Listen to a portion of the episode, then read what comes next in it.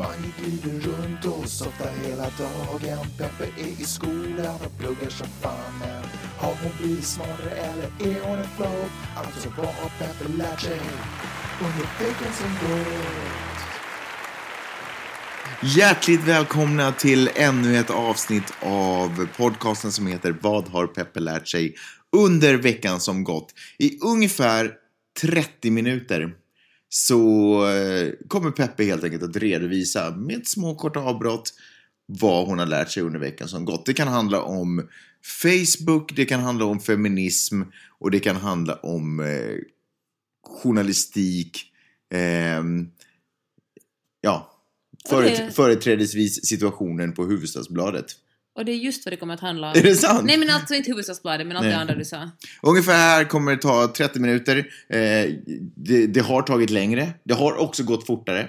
Vet du vad som tagit länge? Ja. Intervallerna mellan det att den här eh, podcasten sänds. Ja, tro mig, kära lyssnare. Jag har gjort allting som står i min makt för att det här ska bli av.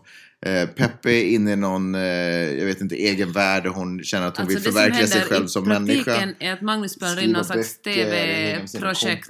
och något slags, något slags TV-projekt. Ja. Jag, jag ägnar mig åt eh, en fantastisk produktion som strävar efter att göra den här, det här samhället, det här kalla, gans, ganska, trots allt Magnus, ganska jag har en kallas... fråga till dig. I hur många dagar Trots- ska en man vara borta Klassisk härskarteknik att ska- avbryta när man för- försöker berätta. för att en hustru ska räknas som singel igen? Vad sa du? Hur många nätter ska en man vara borta för att en hustru ska vara, få vara singel igen? jag vet inte, det var en bra fråga. Vi får, eh, jag vet inte. Nåja, okej, spänn fast era säkerhetsbälten för nu kör vi igång den här podden.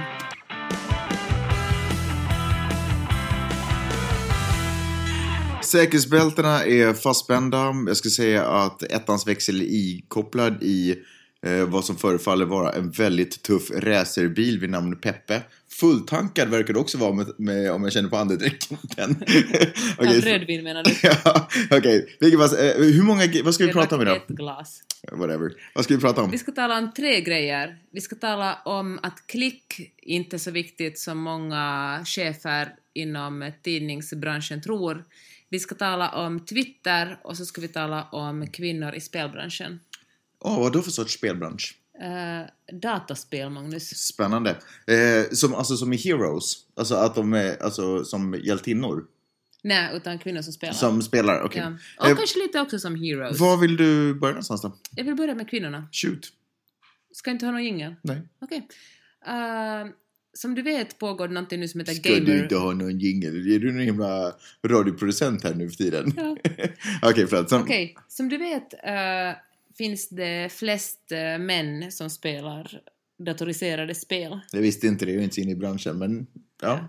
Och ganska få kvinnor, men det här är också en bransch där eh, kvinnorna börjar försöka smyga in. Mm. Och det finns eh, en del spelare och också en del spelrecensenter. Mm. Och just nu, eller inte just nu, utan bara genom, genom, genom tiderna så får kvinnor väldigt, väldigt mycket hat för att eh, de rör sig på någonting som är en väldigt, väldigt manlig domän. Alltså, vem, vad, vadå, vänta nu här. Kvinnor som spelar och kvinnor som har recenserar du, spel. förlåt, har du noterat en trend bland spelande människor Ja. att, att kvinnorna i de grupperingarna har blivit utsatta för hat? Ja, jag gjorde en intervju om det här i tidningen Papper för några år sedan när jag jobbade där. Okej. Och nu har det blåst upp igen. Nu läser Okej. jag på, i Svenska Dagbladet till exempel Mm. att eh, det är flera kvinnor. Alltså det är ganska vanligt att man får en massa hat och blir dödshotad. Mhm. Och eh, Dödshotad? ja, det är sånt som snubbar håller på på nätet. Man mordhotar folk. Och då- när när man sitter och spelar, men kan det vara i samband med att de spelar ett krigsspel? Eh, ofta är det i samband med att en kvinna har recenserat ett spel. Ah, okej, ja, ja, okej. Och um, nu ska vi ska se vad jag läste här. Det började egentligen med en blogginlägg från en spelutvecklare och hennes ex-pojkvän då la ut någon slags text om henne att hon hade varit otrogen men de var tillsammans och samlade han en massa andra dudes med sig som tyckte att vilken hora den här kvinnan är. Mm. Och det blev sen en hatrörelse, en bland jättemånga. Mm. Jag kommer ihåg att när jag, eh, när jag äh, skrev den här artikeln i, i, jag kommer inte ihåg om det var papper eller Hufvudstadsbladet, men någon, någon artikel, så berättade en spelrecensent i, i Sverige, berättade hon att varje gång hon kollar aldrig, efter att hon har skrivit en recension av ett spel, så kollar hon aldrig själv sina mail dagarna efter det, eller sin fysiska post, utan hon gör det alltid tillsammans. Antingen gör någon annan det från redaktionen, eller det, men det är alltid flera människor som läser det samtidigt, för det kommer så våldsamma saker. För det är massa dataspelsnördar som flippar och Ja, blir arga? ja. Okej. Och tydligen så får kvinnor som recenserar i proportionellt enormt mycket mer hat och mordhot än snubbar som recenserar spel. Vad beror det på? Jag tror att, eh, jag tror faktiskt att det alltid... Nej men alltså, vet, vet du vad det beror på? Eller är det någon jag, som jag har undersökt det? Alltså, Okej. teorin är bara det att, det är liksom en, en väldigt en traditionellt mansdominerad bransch Mm. och det är på något sätt ho- hotfullt att komma in. Kvinnor anses ju vara lite, lite lägre värde och så kommer det in någon som man ser att ha lite lägre värde än en själv och berättar för en om någonting som man själv tycker sig vara expert på Ja. och det upplevs väldigt provocerande. Och då tänkte jag så här, att så här måste jag vara i, i alla branscher som förr har varit mansdominerade, alltså nästan de flesta branscher i liksom vårt moderna samhälle. När kvinnor kom, in på universiteten fick de inte bli professorer till att börja med. Eh, först fick de inte ens bli studenter och sen blev de mobbade när de var studenter och sen när de blev professorer blev de mobbade som professorer och då fick de bara vara en viss sorts professorer och inte liksom hålla på med och vad, vad kan jag, alltså jag kan tänka mig på, säkert när kvinnor har börjat köra bilar så verkar det hemskt, antar jag, att många kvinnor blev mobbade för det. Och det blir de ju fortfarande när kvinnor anses ju sådär allmänt vara mycket sämre Och äldre chaufförer. män. Mm, Skojar man om haha du kör som en gammal man va? Ja, faktiskt. Gubbe i keps är klassiker. Boohoo. Jag tycker nu att, nåja, i alla fall. Men det här är ju himla tråkigt och det är ju hemskt bra att, att det skrivs om det här och att de här problemen, att, att det tas upp det här för att på något sätt i, i och med, man kanske kan vara mindre, våga vara mindre aggressiv utanför internet men att liksom nu på internet finns det en hel mobb av, av män som då attackerar kvinnor som, som ger sig in i den här traditionellt mansdominerade branschen. Och då ser det kanske som en reflektion av samhället i övrigt att det, det råder fortfarande en stor skillnad på vilket kön man har och i vilka områden man, det är okej att man rör sig då på basen av sitt kön. Mm. Och jag, alltså jag kan inte komma med någon lösning, jag ville bara uppmärksamma, jag ville Magnus uppmärksamma dig av den här ytterligare en oförrätt i det patriarkat vi, vi lever i. Usch. Hur känner du när jag berättar det för dig? Eh, jag känner att ehm, same same different area. Det, Mm. det inte vet jag. Det är tråkigt. Till exempel här i veckan så tvingades den feministiska debattören Anita Sarken, Sarkisian att ställa in en föreläsning om sexism i spel för att hon fick så många mordhot inför, inför sitt uppträdande. Och liksom då, tänk att man, folk begränsar andra människors yttrandefrihet och rörelsefrihet genom att mordhota dem. Det var lite samma sak som Maria Sve, Sveland var med om för några år sedan när, när hon fick ett brev med ett dödshot hem till sig. Och hon reagerade sen på ett sätt att hon skrev en bok om det medan säkert de flesta andra kanske väljer att... Man, man, det är ju lite obehagligt om någon, vill, om någon skriver att, att hen vill döda en. Förstås. Förstås. Ja, Män kommunicerar lite så. Verkar det som överhuvudtaget. med mordhot eller att skicka ubåtar till andra länder, tänker du? Ja. Att man hotar och, och liksom på något sätt markerar. Alltså det är ju män gentemot män också. Män verkar på något sätt ganska långt kommunicera på det sättet. Men då tänker jag, jag läste nå- en bok där det stod, eller jag har faktiskt läst flera stycken texter om det här, att hur man redan som, när barnen är riktigt små kommunicerar man på olika sätt med dem. Män lär sig eh, ta order. Vi gör en podcast. Vi kommer snart älskling. Män eh, lär sig, eh, ger man order åt pojkar säger man sådär klä på dig, stopp, kom hit. Medan man förklarar med massor av flera ord för flickor. Så vi måste kanske bara fundera på hur vi kommunicerar till våra barn för att få en förändring. Ja, Och tänk, kanske- Brukar du tänka på det när du kommunicerar med Vidde? Jag försöker exempel. förklara för honom, använda så många ord som möjligt. Mm. Och kanske försöka få dem att fråga honom hur han känner och så ska uttrycka sina känslor på annat sätt än med våld. Vi hade faktiskt en eh, grym eh, diskussion idag över middagen. Du och Vidde? Ja. Om vadå? Vi pratade om eh, hur våra dagar hade varit. Mm. Det var väldigt trevligt att höra honom framförallt berätta hur, hur hans dag hade varit. Jag hörde att han hade lekt med nya Felix. Ja. Anyway. Eh, superintressant. Jag vet inte. Ja, ännu en eh, rubrik, eller ännu ett franskt streck man kan lägga till områden där tjejer inte får spela på samma planhalva. Min kollega Janne sa faktiskt så här när vi talar om journalister, att hur det kommer sig att det finns så många fler kvinnliga journalister, eller att fler och fler kvinnor utbildar, utbildar sig till journalister. Så sa han så här att äh, när Tarja Halonen blev vald till president i Finland så sa man att nu har presidentens makt reducerats så mycket och att nu kan en kvinna bli president. Och kan det vara på samma sätt med, med journalister då att äh, nu har äh, journalisterna inte mera lika mycket makt att då är det liksom ett yrke som, som det finns mer kvinnor i medan männen rör sig mot yrken där det finns äh, jävligt mycket pengar som att äh, förvalta andra människors pengar, alltså jobba med på Wall Street och sånt.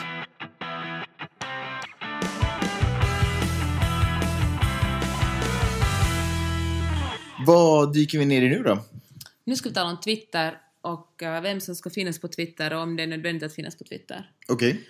Och äh, bland kanske Nej, inte ens bland, jag tänkte säga bland äldre journalister, men det är faktiskt vanligt också bland lite yngre journalister att säga att jag har faktiskt inte tid med sociala medier som då Twitter, att jag har ett viktigt jobb att göra. Mm. Eller så säger man så här, men hej, ingen är ju ändå på Twitter, slänger ut någon slags uh, statistik. Nu vet jag inte om jag skrivit upp just den här statistiken, men det finns liksom enormt mycket, i proportion enormt mycket fler journalister på Twitter än så att säga, eller än icke-journalister. Okej. Att ska man bara vada omkring i, i, i, ett, uh, i en social media där det finns sådana som är exakt likadana som en själv, Stämmer det där verkligen? att det finns mycket fler journalister i proportion. I världen?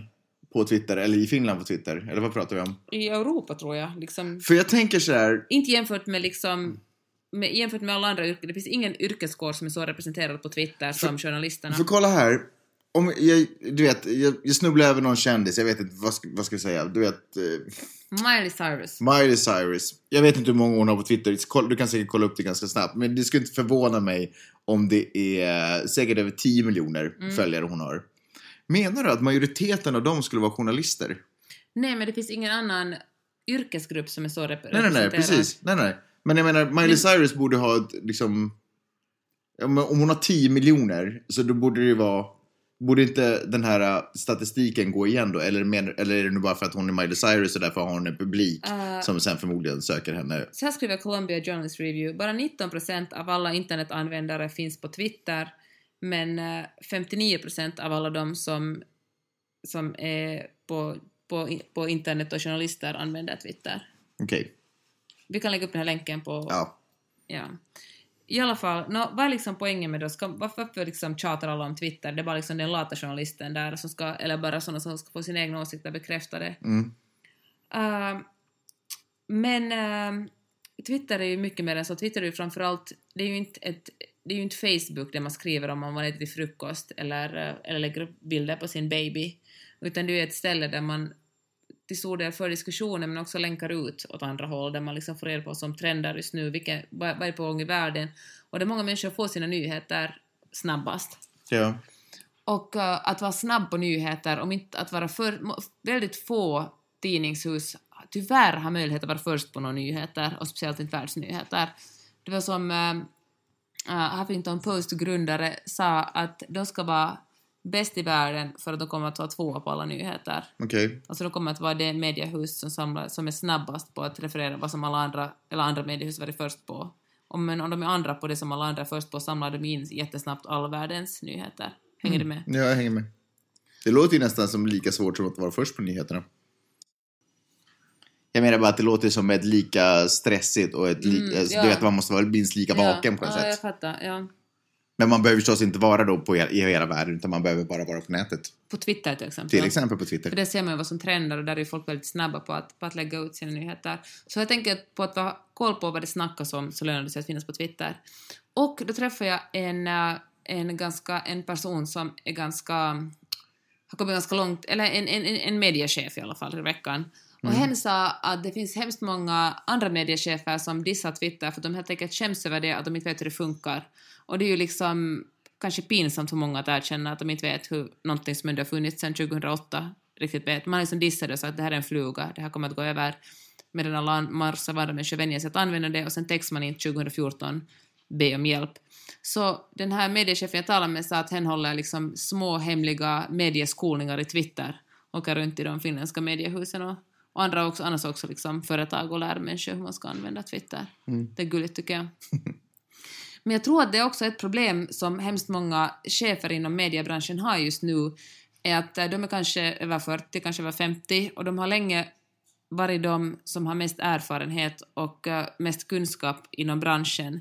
Men det är egentligen först på de senaste 10-15 åren som det har hänt, eller ska vi säga liksom, i och med social media, de senaste liksom 10 åren som det börjar hända någonting jättesnabbt. Och plötsligt från att ha varit liksom proffs på sin bransch ligger de ganska efter. Det finns massa liksom 20-åringar och 30-åringar som kan hemskt mycket mer än dem. Och jag tror att det, att det kanske är en orsak till att, uh, att det finns någon slags obalans inom många mediehus. Mm. Cheferna känner en viss osäkerhet och kanske skäms, skäms lite över sin osäkerhet och, och reagerar genom att kanske inte göra alltid supersmarta saker. Medan många som kanske ligger längre ner i hierarkin är frustrerade för de känner att de kanske ska ha en lösning eftersom de är mer bekanta med det här social medielandskapet. Ja. Jag tror att det också är så pass unik, den här sociala medierevolutionen, om man ska kalla det för, eller det stora liksom intåget som det har gjort i den här världen. Jag tror att, jag menar i sin yrkesverksamma karriär så är man säkert med om väldigt mycket nya saker Mm. som kommer, som lever ett litet tag och som dör ut och så återgår allting till, Mm. lite till det normala. Så kommer nästa våg med någonting, eller knappast återgår det till det normala. Det har säkert lämnat någon form av Mm. avtryck, men jag menar, förstår vad jag menar?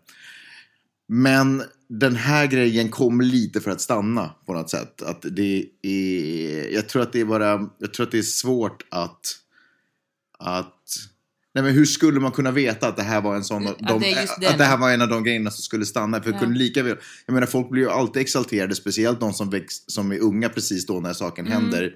Det är ju alltid det största som händer just då i livet och i världen. Och de kommer, det kommer alltid finnas 20-åringar som är frustrerade över att äldre inte gör rätt saker. Och sen när de blir 35, 35, 45 så kommer de vara sådär, "Fa- fasiken, den här grejen jag tjatar om som 20-åring, det är faktiskt inte så mycket av det som vi använder idag egentligen. men precis. Så eh, det är lite olyckligt nästan också att det blev så stort Ja. det här på något sätt. För annars så tror jag att det är ganska många chefer i eh, 40-50 års ålder som skulle ha ganska rätt idag. Ja, men jag tror det handlar om att nu måste man bara be om hjälp av att gå på den där Twitter-skolningen. Ja, En annan sak som jag tycker är bra med Twitter är att, eh, som kanske många journalister har missat lite, att, att sociala medier handlar ju om interaktion och att liksom, det handlar inte om, om envägskommunikation. Och journalister har ju förr i världen varit de som har berättat hur det är. Man har visserligen har liksom läsarna, tittarna, lyssnarna eventuellt kunnat ringt in och kanske skrivit in insändare, men liksom till 99 procent har journalisterna informerat. Men i och med sociala medier börjar människor vänja- vänja sig vid att man kan verkligen kommunicera med det som man har något att säga. Och då tänker jag att, att Twitter är kanske ett ganska, ett ganska enkelt sätt att, att svara på läsarkommentarer. Jag kan förstå att många journalister inte har så stor lust att gå in i kommentarsfälten på de artiklar vits som du de snackar skriver. fort. Jag tänker att vi har bråttom. Okej, jag kör. Att, eh, för att barnen ska läggas och sånt. Och eh, att, ja, att många journalister inte har... eh, Ja, de har inte lust att gå in och kolla på kommentarsfälten för det är så mycket skit som Ja, händer där. ja. Men då kanske Twitter kan vara ett bra sätt att, eh, att diskutera och kanske visa att man ser sina läsare och göra liksom, gå från envägskommunikation till en dialog med läsarna. Så att om man vill liksom kommentera någonting som någon har skrivit eller, eller diskutera någonting kanske man kan söka upp den journalisten på Twitter och, och föra en diskussion. Och då blir det också 140 teckens diskussioner, det blir inte så som vissa människor använder kommentarsfält till att de skriver liksom en 3000 teckens lång novell. Mm. Vad säger du om det Magnus? Jag tycker att, eh, ja, det ja, ett bra förslag. Vart, går vi, ska vi gå vidare nu? Nu går vi vidare, nu går vi vidare. Vart går vi vidare då? Nu går vi till uh, Chartbeat och eh, annonsering på nätet. Att klick inte är så viktigt som Ja. man skulle kunna tro. Ja.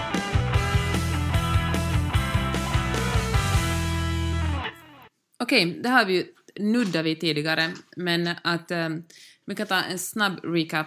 Folk, för det första, så när folk säger vad de läser, man frågar folk vad läser ni på nätet, så säger de Financial Times och, och kanske New York Times och de svenska dagstidningarna, medan de i praktiken mycket oftare är inne på Aftonbladet och Buzzfeed och Gawker och andra skvallersajter.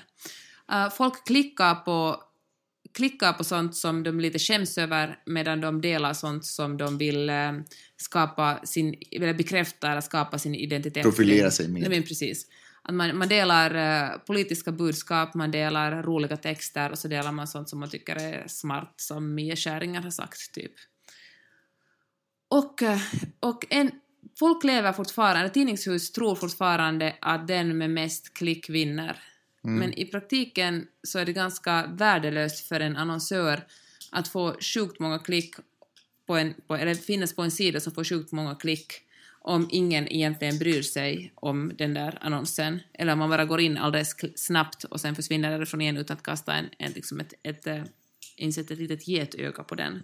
Det som däremot är värdefullt är hur länge en person stannar på en sida. Stannar en person... Är det, förlåt, men det är helt värdelöst för en annonsör att ha setts, om så bara för bråkdelen av en sekund, en miljon gånger eller hundra, du vet.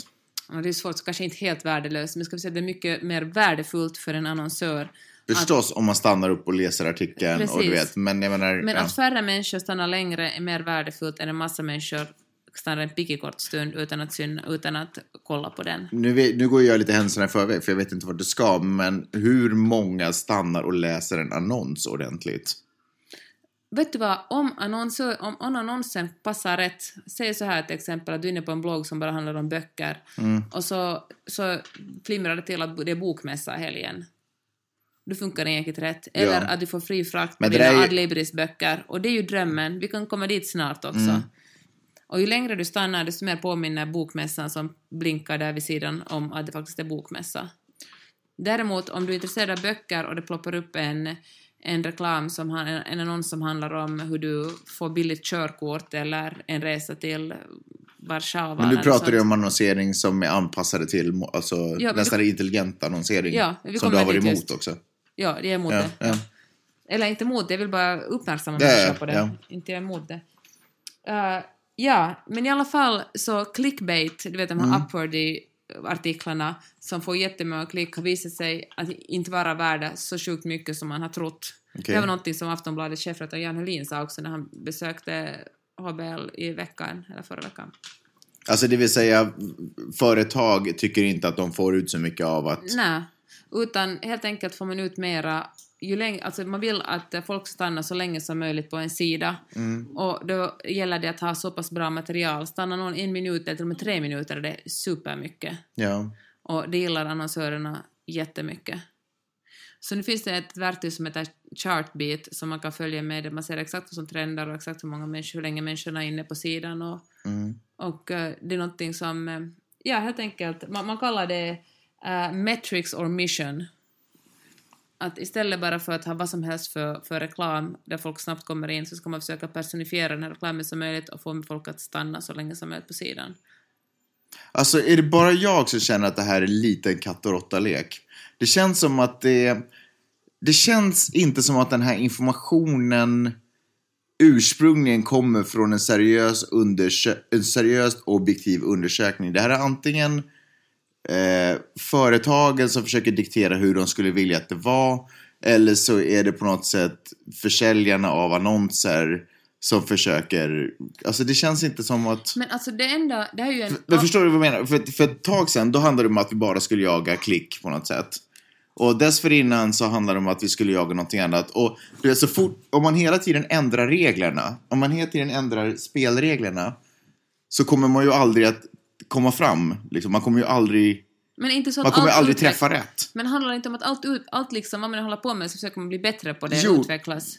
Sant i och för sig. Och får jag säga bara, så handlar det ju också om att det här är en bransch, bransch som är i enorm kris. Folk säger upp sina Och prenumerationer. det och- är ypperligt tillfälle att utnyttja förvirringen genom att hela tiden också hålla på att förändra reglerna. Men det handlar också om det som jag nu ska komma till nu, att ingen är be, redo att betala för någonting.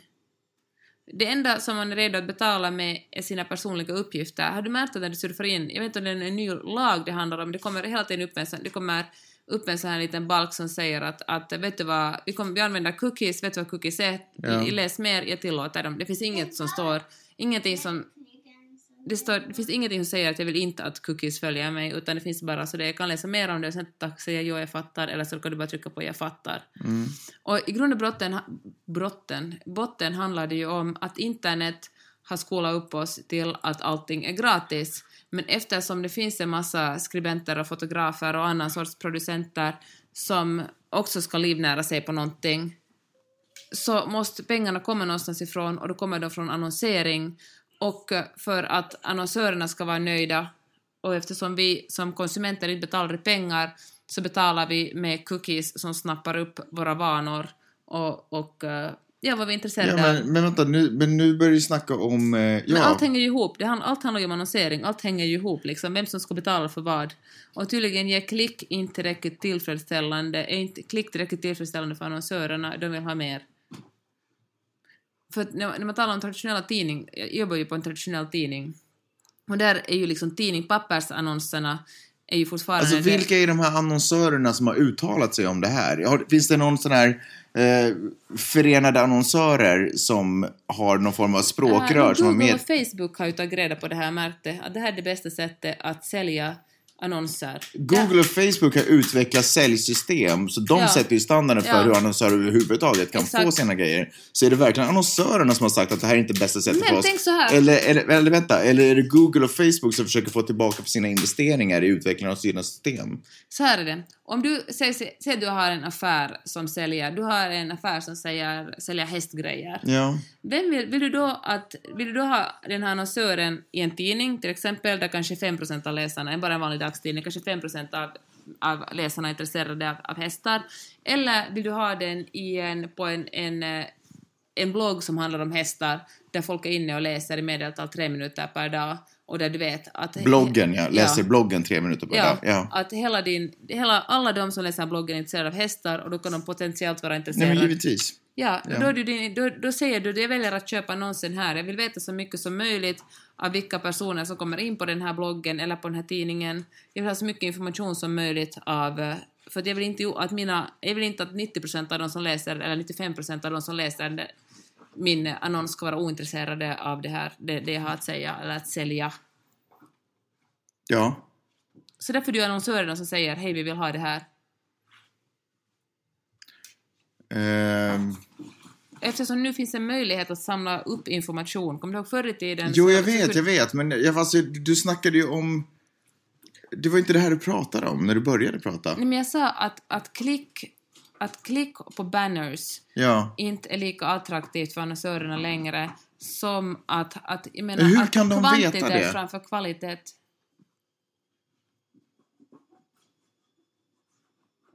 Hur, hur vet de... Alltså de... Är det, är det så att de upplever att, det, att de säljer... Att har de, det har faktiskt på riktigt gjort undersökningar som visar att de säljer mer... Men eh, tror du inte de har gjort det? Tror du inte liksom att de är intresserade? Vet du vad jag deras- tror har hänt? Helt seriöst. Jag tror att eh, företag som just Google och Facebook har hela tiden utvecklat nya sätt att tjäna pengar på. Ja. Och pengarna, som du, precis som du sa, finns ju inte hos folket utan det finns ju hos...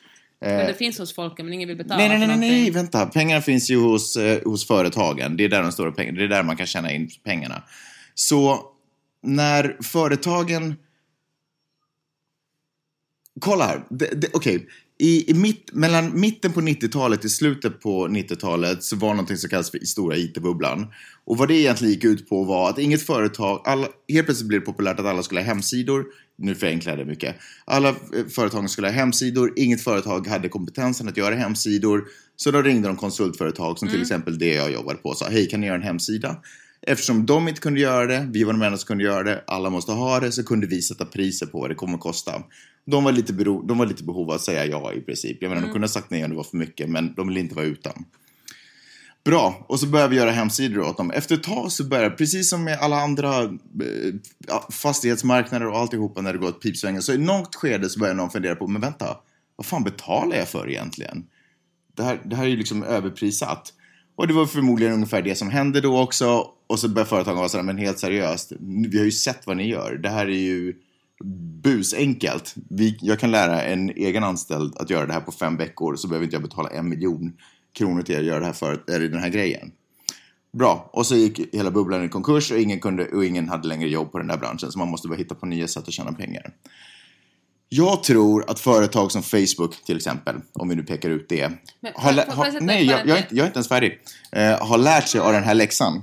Det vill säga, man kan inte bara erbjuda en och samma tjänst till överpris för att då kommer företagen så småningom vara sådär, men vänta, vad är det vi på riktigt vill betala för? Det första man kunde erbjuda är att, kolla, vi har den här kundkretsen, vi har så här många följare på Facebook, vi kan sälja er bara tillgång till dem. Och så var han sådär, eh, ja absolut, det låter ju skitbra. Om ni har flera biljoner, det låter ju svin, eh, svinbra att vi kan lite komma in där och peta. Men man kan inte sälja den produkten för evigt. Därför att förr eller senare kommer det vara sådär, men eh, alla de här ser våra grejer, men vi säljer fortfarande inte mer produkter. Därför att det funkar inte riktigt så tror jag personligen. Jag tror inte att någon går in och klickar på en banner. Jag har väldigt svårt att tro det. Jag tror det. Alltså det, det jag säger, att banners är inte värt någonting. Nej, nej, nej, precis. Så Facebook inser att de kan inte sälja den här produkten allt för länge, så de måste hela tiden utveckla sina produkter. Och jag tror inte att det är det. Jag menar, de säljer ju till företag varför, de ska, varför det här är ännu bättre. Den här nya versionen, eh, annonsplatsen 3.0, är ännu bättre att använda. Nu får ni de här detaljerna också. Nu kan vi kombinera ihop dem med den här sortens människor. Och allt det här är ju logiska argument. Jag tror inte att det här kommer som ett önskemål från affärsvärlden, utan jag tror att det här kommer som en det här är en marknadsföringsstrategi från Facebook och den där. Förlåt, jag Jo, det, nej, Men- det, nej, men det som, är, det som är poängen med det här är att, att om vi ska ändra vårt beteende hela tiden an efter vad som händer så kommer vi aldrig vi kommer aldrig nå fram därför att spelreglerna ändras hela tiden. Så det blir ett katt och råtta-spel. Att om man som företagare försöker anpassa sig till den här världen Fast jag tror att det mest handlar om att företagen märker att hej, banners funkar inte. Vi Jag vill- tror att de vi har blivit jag sagda att det inte slut. funkar. Ja, okej. Jag tror att de märker att hej, vi har nu köpt banners för så här så här mycket. Ja. Och det, vi, vår försäljning har inte ökat så mycket vi har önskat, så varför ska vi vara med i så fall? Då är det lättare att skicka gratisprodukter till bloggare som skriver om dem gratis. Varför ska vi köpa någonting av er? Då säger, för, då säger jag företag, då säger liksom, säger den här tidningen säger då att hej, eh, vi har nu, vi har kollat så här att den här, vi, på den här, på den här artikeln som vi skriver om båtar har vi märkt att, att eh, ni kanske vill ha er båtannons, för det här, det här kommer folk att stanna mycket längre. Vi liksom, ni kommer inte att nå 90% som är ointresserade, bara 10% som är intresserade. Nej. Och då säger företaget, "Nå, det låter bättre. Att vi vill För det låter nå- bättre onekligen.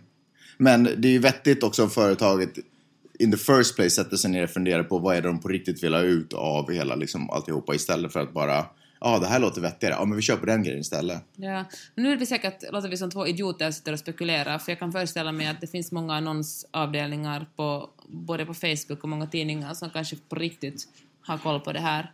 Jag refererar ju bara till vad jag har läst. Ja. Okej, Bra, slutar vi den här podden med bra eller dålig Filis? jag vet inte, jag tror inte du riktigt förstod vad det var jag menade innan jag, när jag pratade om det här råtta-spelet. Men det spelar inte så stor roll, jag är övertygad om att ni i alla fall där ute förstod vad jag menade.